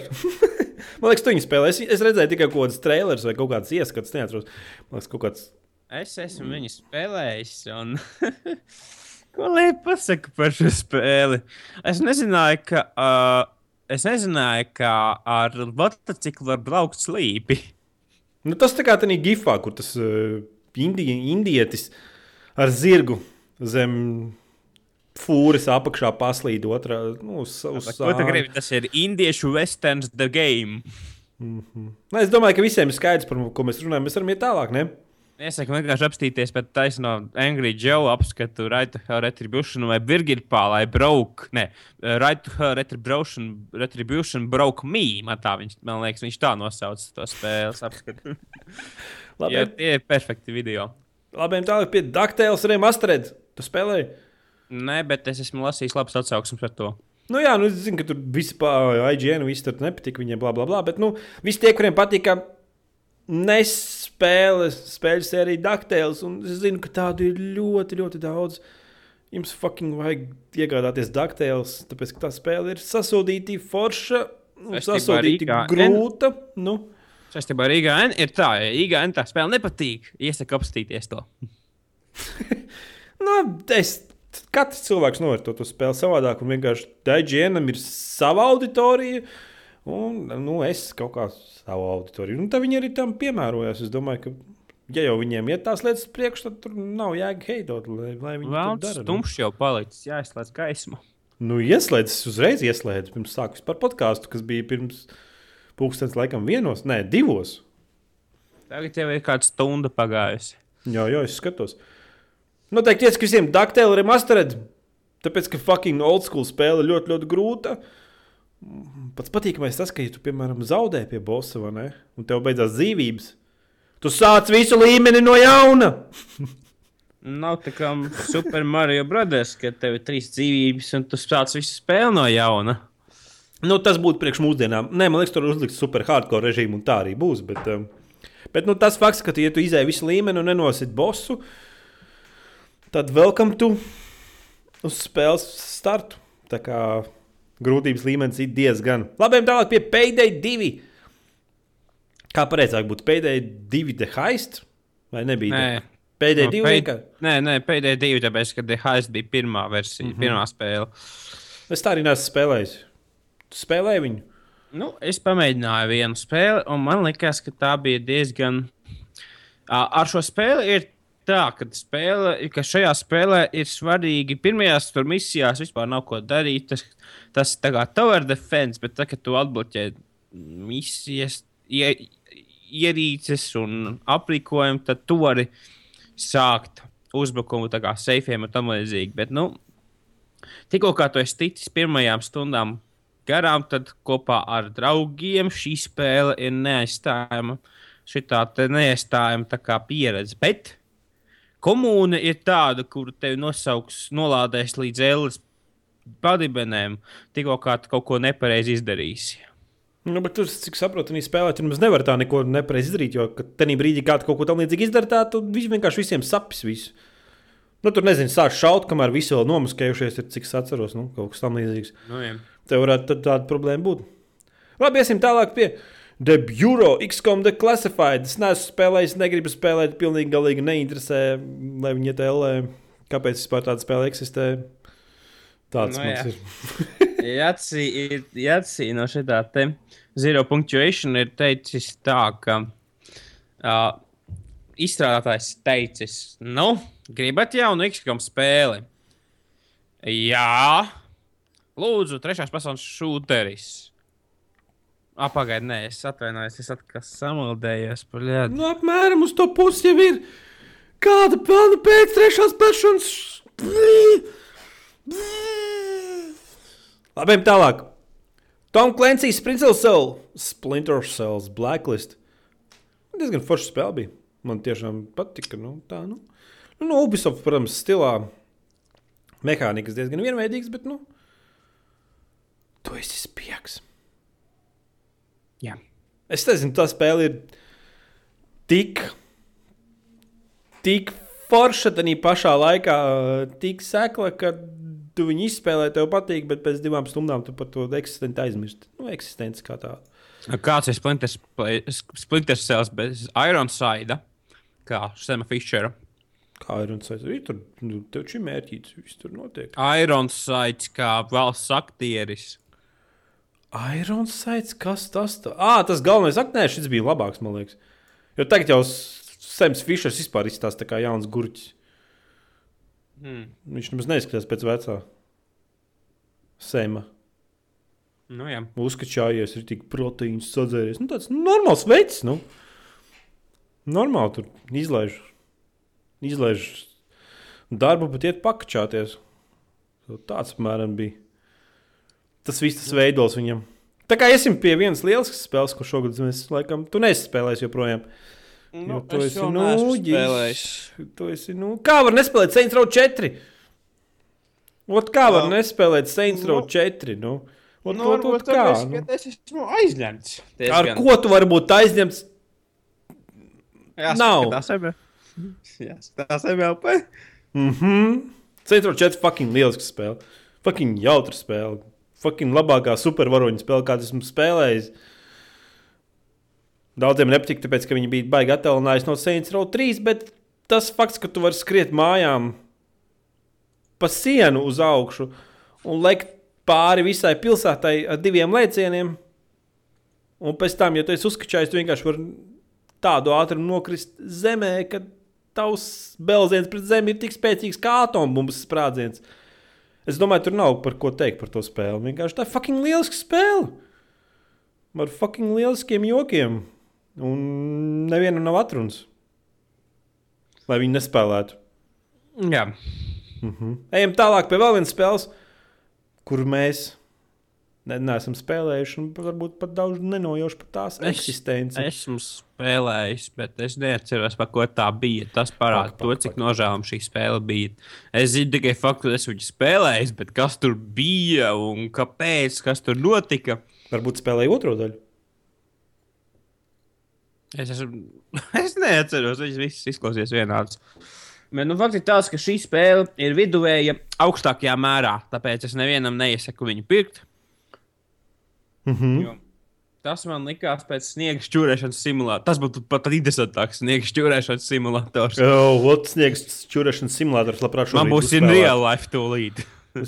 Oh, tāpēc, ka dzīvo mājā, vai ne? Jā, par ko es tagad nožēloju. Tagad, kad Sakiet. golfs, golfs jārok ārā. Skaidrs. Labi, ejam tālāk pie Rayman Legends. Es spēlēju demo. Episki, Ļoti labi spēle. Mhm, Baigs mukā, bet vienīgi tā cena, es nezinu, nu, kaut kā. Nu. Neceļās roka maksāt naudu Ubisoftam. Nu, ot, ot vienkārši neceļās roka maksāt Ubisoftam. Nu, ot, es nezinu, kāpēc. Spēle ir Nu, forša, man viņa ļoti, ļoti patika, un grafiski iespaidīga un grūta. Tāds man tieši pat patīk, tā platformē, bet, nu, vienkārši, nu, tas nezinu, kaut kā, nu. Ot, kaut kā nav. Man liekas, uz konsoles viņa iegādātos, bet uz PC ot, kaut kā negribās. Ot, es nezinu, kā, nezinu pat, Joplais. kāpēc. Varbūt. Varbūt. Labi, tālāk pie Grand Theft Auto 5. Mums Par laimi, vai pat, diemžēl, mums nav jāņem, kurš par šo spēli izmildētos stundu divu garumā. Mm -hmm. Tāpēc mēs redzēsim to, ka mēs šo spēli neesam spēlējuši, un mūsu par šī spēle vēl nav iznākusi. Nākamā spēle - Beyond. Pagaidiet, runājot par Grand Theft Auto 5. Vakar skatījies VGX Video Game Awards. Nezinu. Es skatījos, bet aizmigu. Uh, Grand Theft Auto 5 vinnēja Game of the Year titulu. Kāds bet... pārsteigums? Bet nu, tas šovs bija tik nožēlojams. Jeffs Kīlīs Blakes vienā brīdī sāka raudāt. Viņa paņēma kaut kādu čali. Nu, kaut kāds čalis tur nezinu, kas viņš tāds ir, kurš no video spēlēm neko nepas, nu, nesaprot. Un tur in, in, intervēja kaut kādus tur tos Xbox One ekskluzīvos, tur kaut kādas izstrādātas, viņa kaut kādu spēli tur. Man liekas, tie, kas Alan Veiku izstrādā, kā viņi bija. Man liekas, ka tas bija. Nu, es neatceros. Nu, Alan Veika izstrādātāji tur savu jauno spēli, tur reklamē, un tas vienkārši tas blakus, tas nevis Jeffs. Jeffs, nē, tas, tas, jau, tas jau tā kā parasti savā. Remedija. remedija Jā, rem, remedija. nu, Remdīgi veču sēdēja. Un tad otrs čels bija, es nezinu, kas viņš kaut kāds aktieris noteikti no kaut kādiem seriāliem, tur Amerikā populāriem. Un vienkārši viņš visus nodirž, visus noliek, un vispār pilnīgi nulle interese. Koka Saistībā- ģīmi runā par to visu. Bet, nu. Saistībā ar VGX es tev Skype tikko iepastēju bildi, kurus vēlētos redzēt, kā šīs podkāstu titula bildi apstāties. Tas ir VGX in a nutshell. Vienā bildē. Parādi. Kas tas tāds ir? Kas tas ir? Bre? Kas par dziedātāju? Tas nav kaut kāds tas. Nezinu, bet apstāties uz publiku, kā viņi reaģē un kāda cik forša publika tur ir. Bet, nu, šitos, šitos ir telefonu filmētājs, kas nesaprot. Bet, jebkurā gadījumā, tas šovs bija nožēlojams. Es nezinu, kā viņi. Es tagad gribu atcerēties, nu, tagad klausos vienu podkāstu, kur viens čels strādā gan game traileros, un viņš par to runā. Nu, es nevaru sagaidīt, vienkārši dzirdēt par to, kā, kā viņam prasa uzdos jautājumus, kāpēc tas šovs bija tik nožēlojams. Vienkārši nu, tāda bomba, ka vienkārši skaties, tev pirmkārt žēl Jeffa Kīlī, kurš cenšas it kā kaut kādu kārtību uzturēt. Tad izstrādātājs, kur nāk rādīt savas spēles, un tas blakus, tas blakus hosts sēž vienkārši un nodirž viņus. Citu, vai tādu. saistībā ar VGX man, pat, Nu. man, man no VGX interesē tikai viena lieta. Nē, divas lietas. Pirmkārt, jaunais Witcher 3 video. Otrakārt, um, Telltale Games, kuri pazīstami ar Walking Dead, Mhm. ir apvienojuši divas lielas lietas vienā. Pirmkārt, Telltale, Telltale, Games, game, Telltale Games izstrādās jaunu spēli. Kura ir uh, veidota saistāks sa saistībā ar V- HBO Entertainment, tā būs Game of Thrones. Tu, tu, tururu, tu, tururu, tu, tururu, tu, tururu, tu. Tu skaties to seriālu Jā, lielākais ir pasaules vēsturē. Tikai tāpēc, ka visi saka, ka, viņš ir lielisks, es būšu hipsters un nekad viņu neskatīšos. Drīkst. Mm, Nu, tikai tāpēc, ka. Tikai tāpēc, ka visi saka, ka GTA 5 ir lielisks, kas būs hipsters un teikšu, ka nespēlēšu viņu. Apmēram tā ir. Nu jā, labi. Ejam tālāk pie Beyond Two Souls. Playstation 3 ekskluzīvs, kurus ļoti, ļoti gribu uzspēlēt, tāpat kā Last of Us, bet mēs neesam spēlējuši. No. Alena Page galvenajā lomā, un tur pliks pups rāda. Jā, bet ko lai pasaka? Cik es esmu lasījis, man, diemžēl, es neesmu konsoļu pezants, un man nav naudas to pirkt spēles Playstation 3.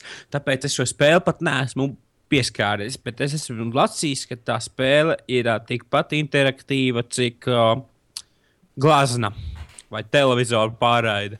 Jū, man patīk tādas spēles. Tā Man patīk, kad neskaties stāsts. filmas. Tāpēc, ka filmas ir nožēlojams. Un uh, ar ko ir šis filma? Ar spēli, kurā tu ik pa brīdim vari nospiest kaut Nu, kādu. bet vismaz tu vari kaut ko nospiest, kaut, kādu, nu, kaut ko tu vari izdarīt. pauzi. Nu, vismaz, jā, bet, nu, filmas. Kad tu pēdējais labu filmu redzējis? Nezinu, es neskatos filmas. Nu, un seriāls. Vienīgo seriālu, kur Nu, Ja tā- skatīties, ja- tas ir ja tava- ja draugi. tavs- Ja tev liekas, ka seriāli var būt tikai ugunsgrēks vai kas tur vēl ir.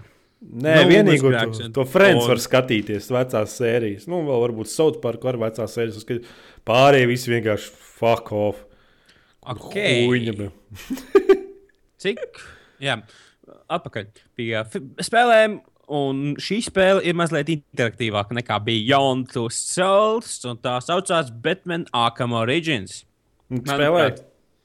Kā lai pasakā, es esmu spēlējis viņu, bet man liekas, ka, ja tu gribi izvēlēties vienu no Batman spēlēm, Batman Arkham Asylum, Batman Arkham City vai Batman Arkham Origins, man liekas, ka Arkham City būtu tā, kurus tev ieteiktu. Mm, es liekas, ka šī otro. spēle ir nu. sliktāka jebkurā dimensijā nekā Arkham City. Karte man likās mazāka, spēle likās nestabilāka un grūkaināka. Es nezinu, tā spēle izties vienkārši. Bleh. Vienkārši bleh. Tāda spēle, kuras es trīs reizes izspēlēju. Tikai tāpēc, Jā. ka es spēlēju pirmo un otro. Okay. Labi, ejam tālāk pie Assassin's Creed 4 Black Flag. Kur teikt?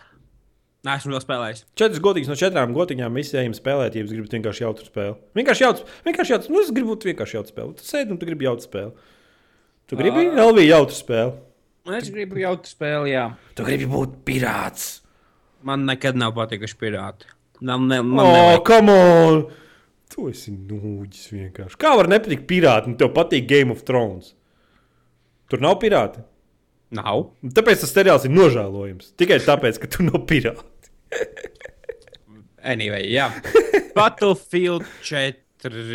Es domāju, ka par Battlefield 4 mēs esam runājuši tik daudz, ka mēs varētu arī nerunāt. Ip, ip, ip, ip, ip, Kaut ip, kas uzkārās. Jā, uzkārās. Tur jau tā lieta. Nē, es domāju, ka mēs esam tik daudz runājuši, ka mēs varam par to arī nerunāt. Bet es tikai pateikšu to, ka šī spēle būtu labi, ja viņi darbotos.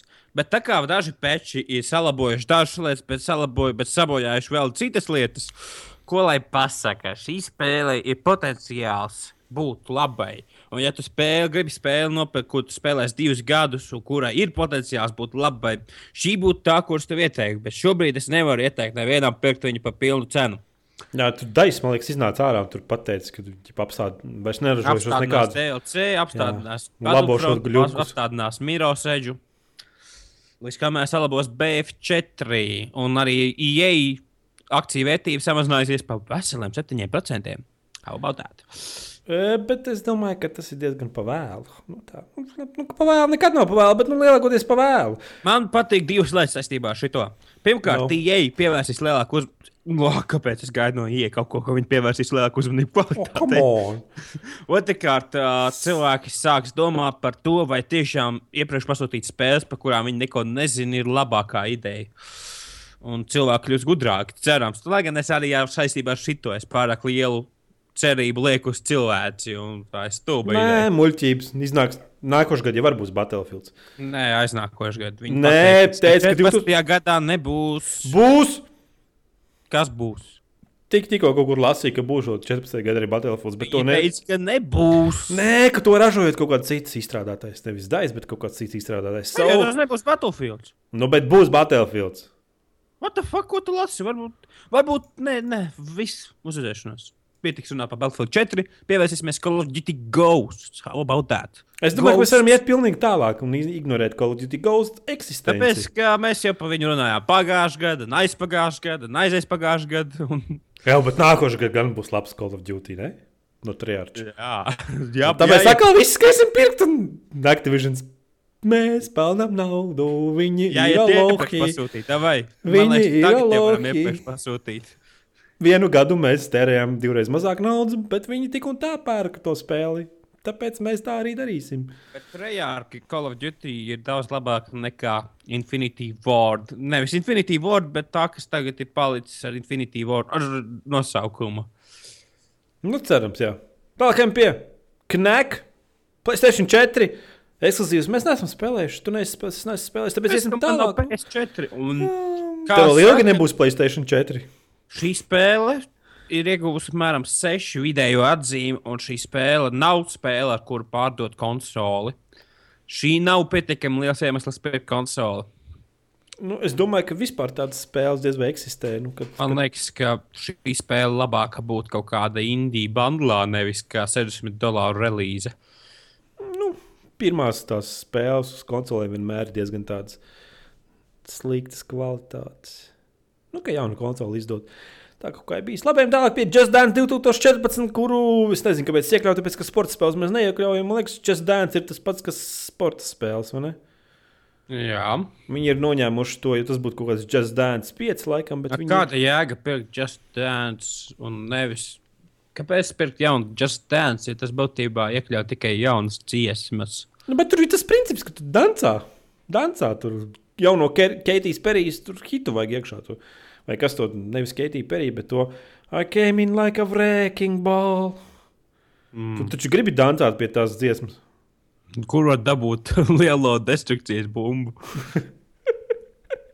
Nē, tās spēles ir jautras īstenībā. Nereāli jautras. Vienkārši mums Nu, varbūt tā publika nav gatava. Mums vienkārši tā varbūt tā publika Latvijā nav gatava tik plaši izvērsties dancāšanā.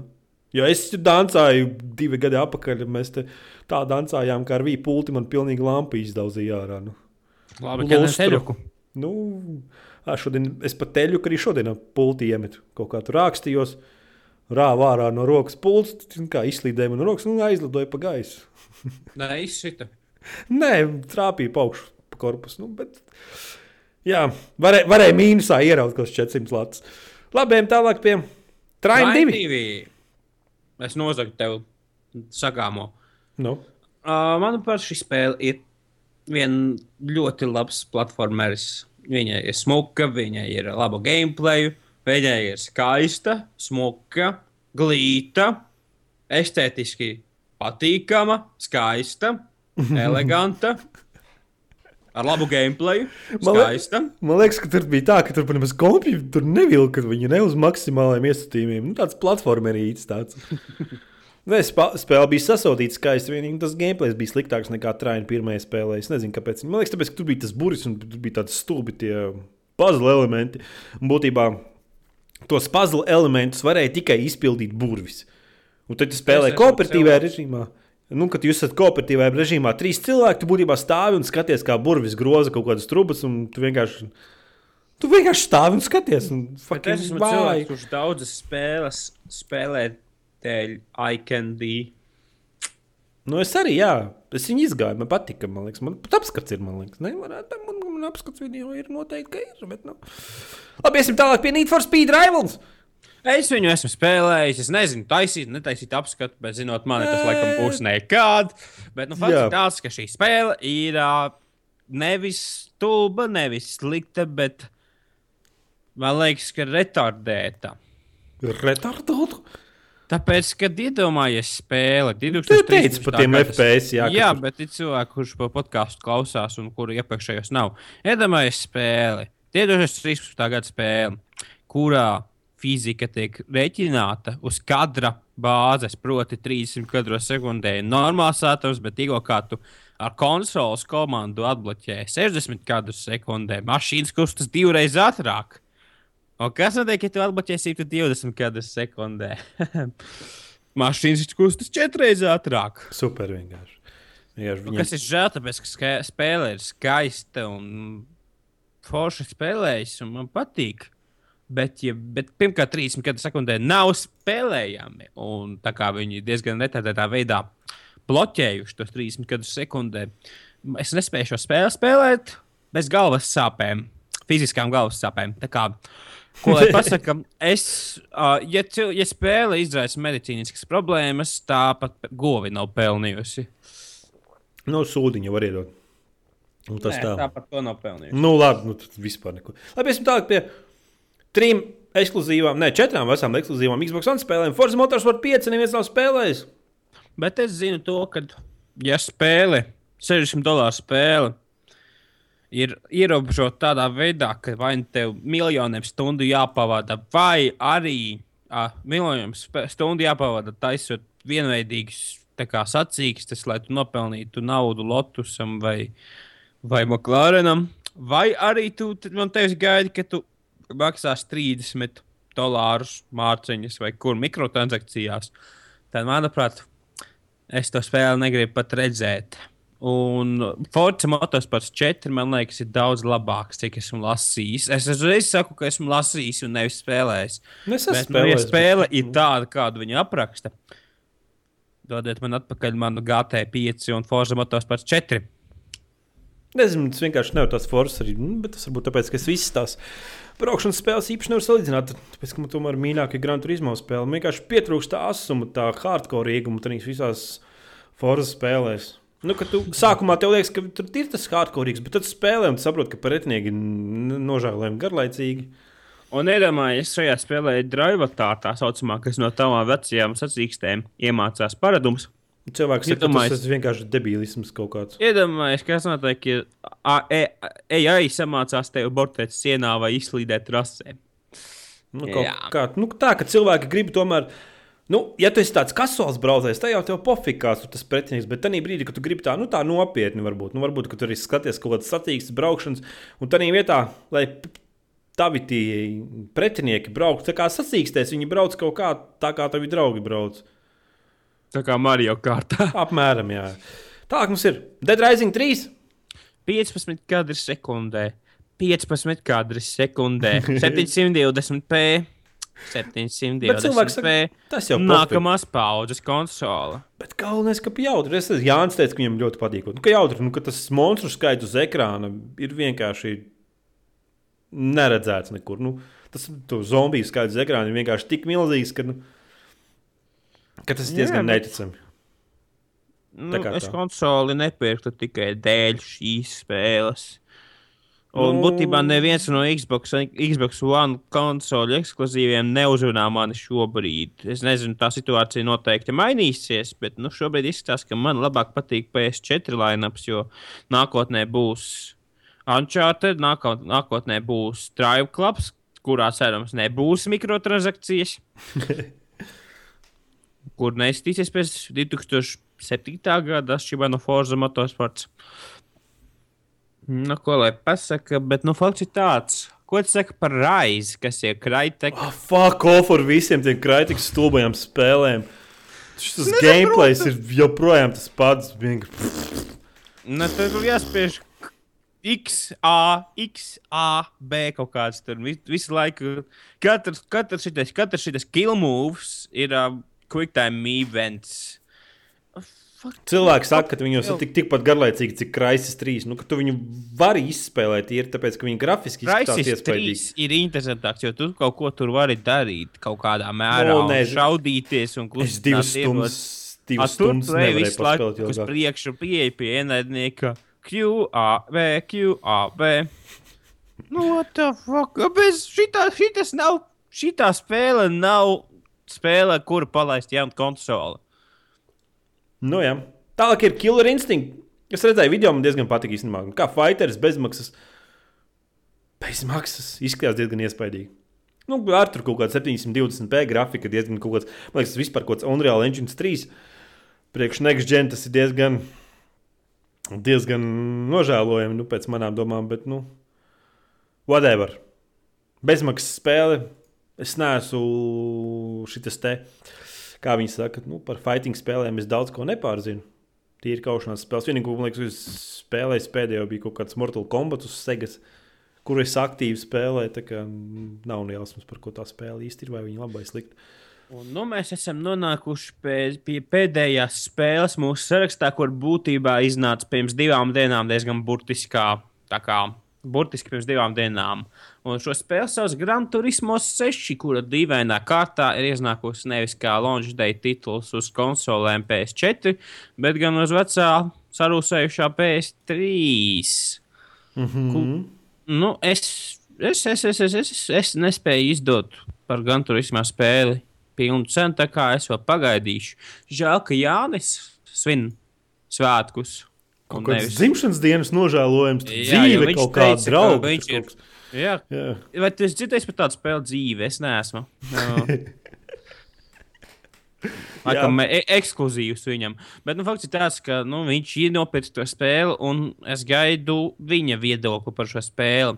Uh, es pagaidām vēl neesmu iebraucis, bet, ir viena, bet šī spēle izskatās diezgan, kā, diezgan līdzīga GT5. Mhm. Kas? Nu, bet- Baigi Kas? ātri, bet viņš, Kas? bet viņš Viņiem baigi ir- ātri izdzīvo. Pagaid, kas viņiem ir spējas misija uz mēnesi? Jā. Es eju pirkt šo spēli. Nav, nope, uzvedēšanas, paldies. Es eju pirkt šo spēli. Nu, bet tas ir, man liekas, viņi beigās ātri. Parasti viņiem prasīja, cik tur 5, 6 gadus uztaisīt nākošo Grand Turismo. Šis iznāca diezgan ātri, man liekas, 3 gados kaut kas tam līdzīgs. Tāpēc, ka GT5 ļoti lēni un smagi gāja ārā. Nu, varētu būt, jā. Nu. Es Bet, nezinu. nu, Mikro, mikro, šajā spēlē arī mikrotransakcijas. bet Tur tikai var naudu augstā, nopirkt. augstā mērā kā tā, nekā vecajā. Arī šajā spēlē šis te Jaguar XJ8, Mhm. XJ12 uh, aizņem tikpat daudz laika un naudas, cik vecajā GT5. Bet tas ir tikai shortcuts tiem, kuri negrib ilgi gaidīt, tie, kuri negrib braukt. Uh, Nīderlandē 8 stundas, tā kā vecajā labajā GT4, lai dabūtu 2 miljonus. Tā kā šāda ir tā spēle, un tās mikro- mikrotransakcijas nav tik ļoti sliktas, kā tas ir Forza 5. Tā kā man liekas, ka Polyphony Digital ir labāks nekā TR10 šajā jomā. Vai te nav tā, ka Forzā tev jāpērk konkrēti mašīnas, ka tur pat nu, ka tur, tur tā kā DLC, tur ir vienkārši daudz mašīnas, kuras pat maz nevari nopirkt. Nu, Saprotu, kuras tu, kuras tu fiziski nevari par spēļu naudu nopirkt. Tas ir DLC.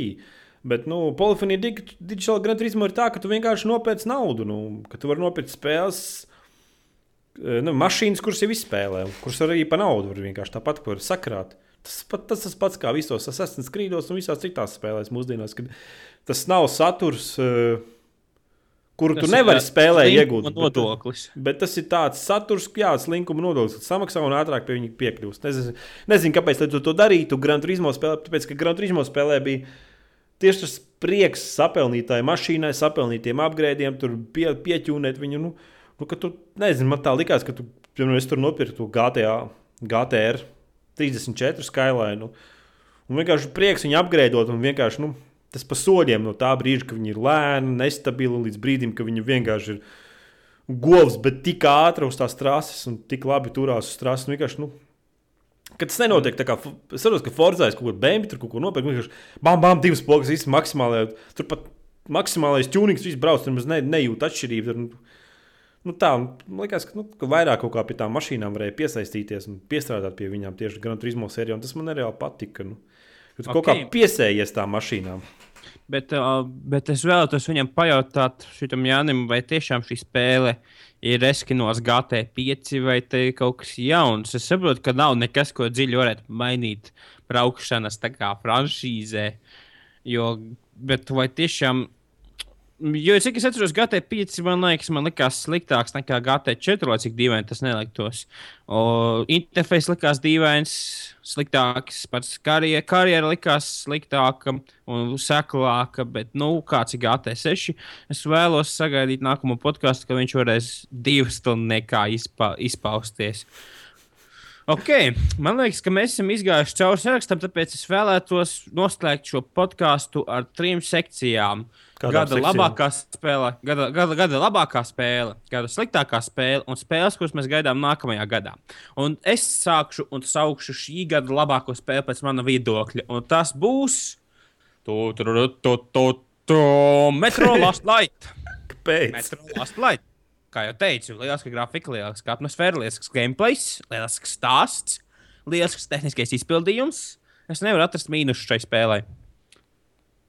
Mm -hmm. Kurai tā vēl labākā spēle šogad? Ļauj Bioshock- minēt, Saints Row. Nē, Bioshock Infinite. Es arī- Jā. Nu, tāpēc, ka tā bija vienīgā spēle, es nopirku DLC, man vienkārši tā kā mazam mezim tauriņš sāk kuņģī lidot. Un just fucking saprotu, ka, kāpēc tu dievini to spēli. Ka tu, nu, ka tu dabū kaut kādu mazu saturu, kaut kādu jaunu tur veikalu līniju. Tu vienkārši ej katru stūrīti apskati un sarunājies visiem personāžiem, klausies, ko viņi saka. Un viss miskas. It's just, just fucking awesome vienkārši. Ok. Un kurai šī gada vilšanās? Man tā būs Total War 2 Rome. Ne, Total War Rome 2. Sākuma stadijā pirmkārt performāns bija nožēlojama. Uh, Artifi artifici mākslīgais intelekts bieži vien nedarbojās, apstājās un stāvēja uz vietas, neko mm -hmm. nedarīja. Bet šī spēle vilšanās faktoru ziņā sacenšas arī ar X-Rebirth. Performance nožēlojama, gameplays ir saklāks un liela daļa no lietām, kas padarīja X franšīzi foršu, bija izņemts X3 un X-Rebirth. Tā kā, tā kā šajā jomā, šajā gadā vilšanās ir diezgan liela konkurence. Tāpat es varu arī pateikt, ka Battlefield 4 ir diezgan sliktā stadijā šobrīd. tā kā Jā, diezgan liela vilšanās no DAIS. Bet Nē, šī gada lielākā vilšanās ir Total War Rome 2. Ko tu gribēji teikt? Zini, kāpēc Battlefield 4 nevar būt lielākā vilšanās? Tāpēc, es jau betā zināju, ka tā būs lielākā vilšanās. Nu, ka tu, tu jau zināji, ka tā spēle nebūs tehniski spēlējama. Jau pēc betas varēja to visu saprast. Un DAIS visas spēles tādas ir lauģis stadijā. Jā, Battlefield tāpēc- 3, Bad Company 2, Battlefield 2. Ah, ai, ai, ai, ai. Bet, nu, fakts ir tāds, šī gada vislielākā vilšanās man ir Total War Rome 2. Kur ir tava lielākā vilšanās? Man būs Call of Duty Ghosts. Like, just Ko fuck. tu gaidīji no tās spēles? Nu, vismaz kaut ko, nu, kaut ko vismaz. Nu, bet tur tā, nu, ka tur pilnīgākā pakaļā. Tas ir tas pats, kas gaidīt, skatīties uz izdegušu spūdzi, visu laiku slēgt pogu un gaidīt, līdz Nu, kamēr nē, viņi ne jau par to saprotu, tāpēc, ka iepriekšējais Call of Duty, kas bija Black Ops 2, tas jau bija diezgan foršs un tehniski, un viss multiplayer jau viss sākumā strādāja. Nu, apskaties, kā apskaties uz portfolio. Trejārkam, proti, Black Ops 2, World at War. Ops 1, tās ir labas spēles. Nē, labas, nu tas jau bija, ir kāpēc? Infinity War. Uh, Modern Warfare 2 izgāstuve, Modern Warfare 3 izgāstuve un tagad Ghost.